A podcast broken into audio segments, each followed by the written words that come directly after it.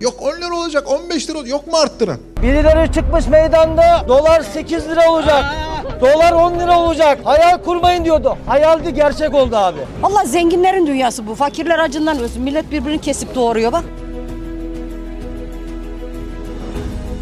10 milyar dolar şakkadak satırım. Arkadan bir 10 milyar daha satırım. Necmettin Bey bu çok güzel. Olmaz mı? Olur niye olmasın? Buz gibi olur. Olmaz mı? Profesörlere göre olmaz bakın ben size söyleyeyim. Faiz aşağılara çekilmişken tamam da bizim arkadaşlarımıza ne oluyor ki onlar faizi savunur hale geliyor. Türkiye'nin ekonomisinin sorumlusu benim ben. AKP'li Cumhurbaşkanı Tayyip Erdoğan Merkez Bankası'nı faiz indirimine zorladı. Bu karar dövizi uçurdu. Dolar 11 lirayı, Euro da 12,5 lirayı gördü. 1 milyon doları olan saatler içinde tam 800 bin lira kazandı. Bir ay önce 400 bin lira olan evler şimdi 600 bin liraya fırladı. 2001 model bir Fiat Siena'yı geçen hafta 33 bin liraya satın alan vatandaş şimdi 45 bin lira ödemek zorunda. Çünkü bütün bunlar bakın Batı'nın başta Amerika'nın Türkiye'yi sıkıştırma operasyonlarıdır. Bir tıp mensubu değilim. Benim alanım ekonomi. Faiz sebeptir. Enflasyon neticedir. Biz faiz belasını bu milletin sırtından kaldıracağız.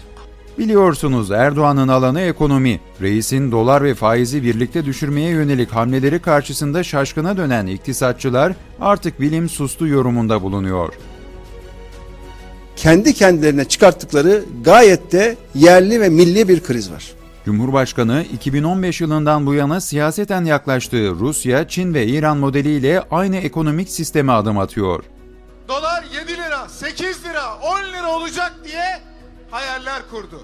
O büyük saldırıya tıpkı 17-25'te olduğu gibi, tıpkı 15 Temmuz'da olduğu gibi Cumhurbaşkanımızın liderliğinde güçlü yumruğumuzu vurduk, doları 5 liraya düşürdük mü? Hatırlayalım, Türkiye'yi mutlu ve zengin azınlıkların ülkesi olmaktan çıkaracağız vaadinde bulunmuştu Erdoğan ve bu sayede iktidara gelebildi. Ancak 20 yılın ardından kendisinin ve çevresinin ekonomisini iyileştirip halkın ocağına incir ağacı dikti. Bize Tayyip Hoca aşağı, Tayyip Hoca yukarı. Böyle derler. Şimdi bağırıyor oradan. Tayyip Hoca biliyor musun fakir niye fakirdir dedi. Asım abi niye fakirdir söyle dedim. Fakir çalmasını iyi beceremediği için fakirdir. Onlar da dedi çalmasını iyi becerdiği için zengindirler dedi. Şimdi Balkanoğlu e, fakir garip, işçi garip, memur garip, boğazına mahkumu. Nasıl çalsın? Bir sorun bir görün de maksimum. Biz üçümüz artık hani kimse ne nikah yapmışsın katolik nikah. Katolik katolik. Aynen böyle. Aynen. Bu milletin yazacağız sonlara geç. 2018'in ortasında büyük ustalık dönemi başlıyor müjdesi vermişti Cumhurbaşkanı. Çıraklık, kalfalık, ustalık dönemleri bitti dedi. Onlar benim çıraklık dönemimin ürünleridir. Ondan sonra kalfalık dönemi, ondan sonra ustalık dönemi, şimdi büyük ustalık dönemine hazırlanalım diyorum.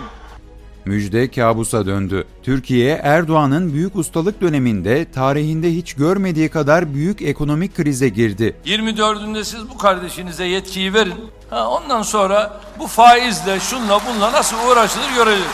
Ülkeyi batırıyor, batırıyor. Bu adam Cumhurbaşkanı seçileceği zaman demedi, 4.95'te. Verin bu yetkiyi indireceğim dedi mi?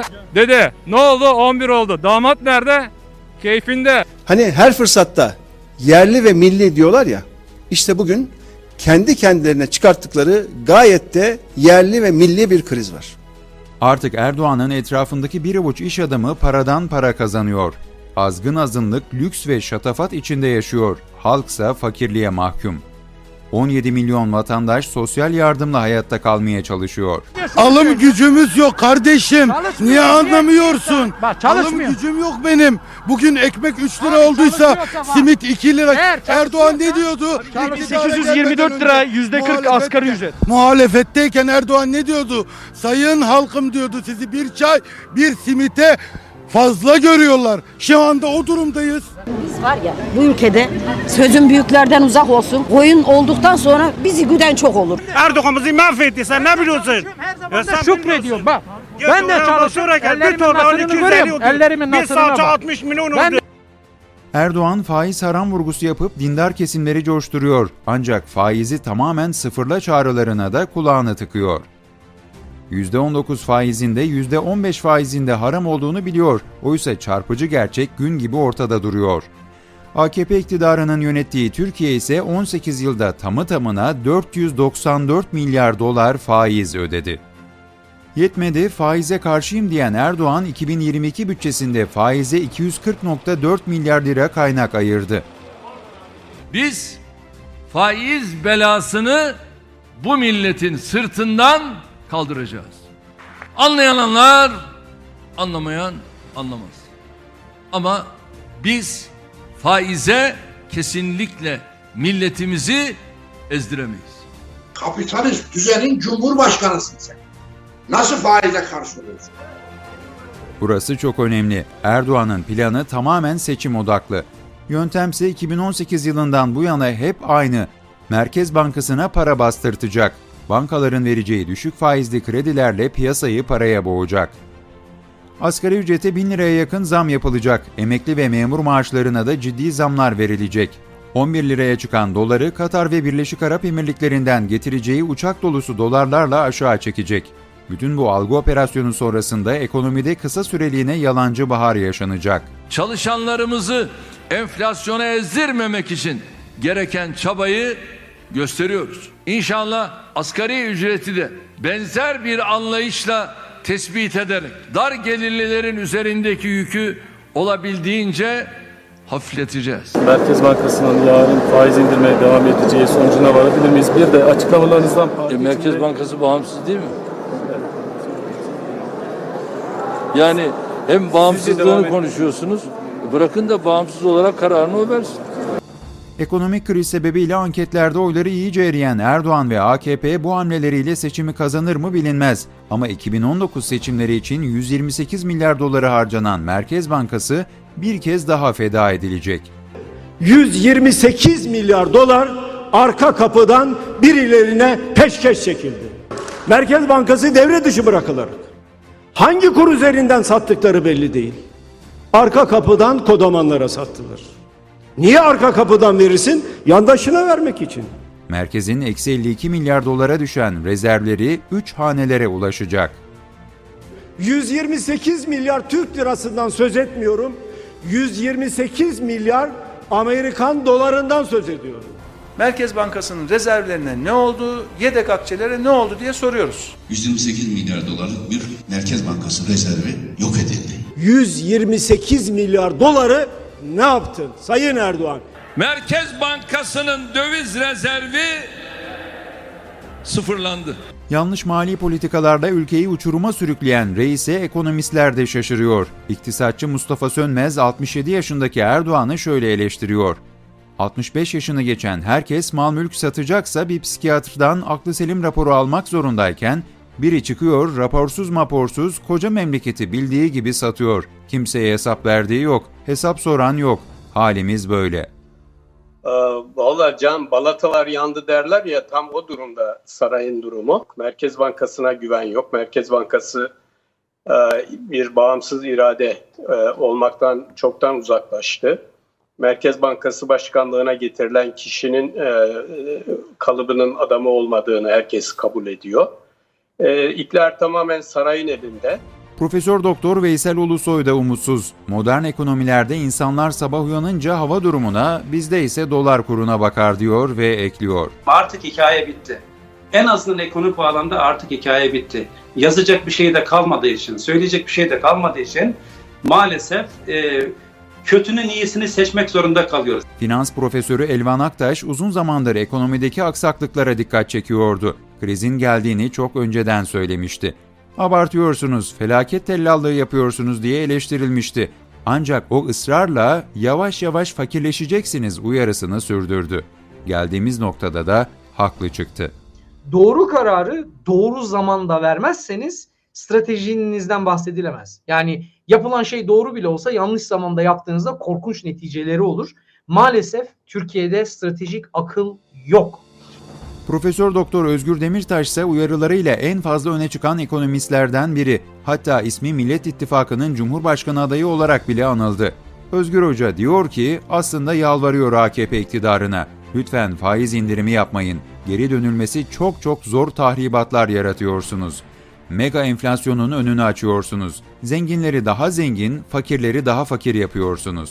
Videoyu orasından burasından kesip biçip birleştirmek istemiyorum. Net olarak size ne dediğimi anlatmak istiyorum. Arkadaşlar biliyorsunuz maalesef Türk lirası çok büyük bir şekilde değer kaybetti. Bu muazzam değer kaybı hepimizin canını sıkıyor. Tabii ben hep 50 liralık benzin alıyorum gibi cahilce söylemleri bir tarafa bırakacak olursak doların Türkiye'deki değeri yani TL'nin dolara göre değeri ve doların TL'ye göre bir değeri maalesef bizim hayatımız için çok önemli.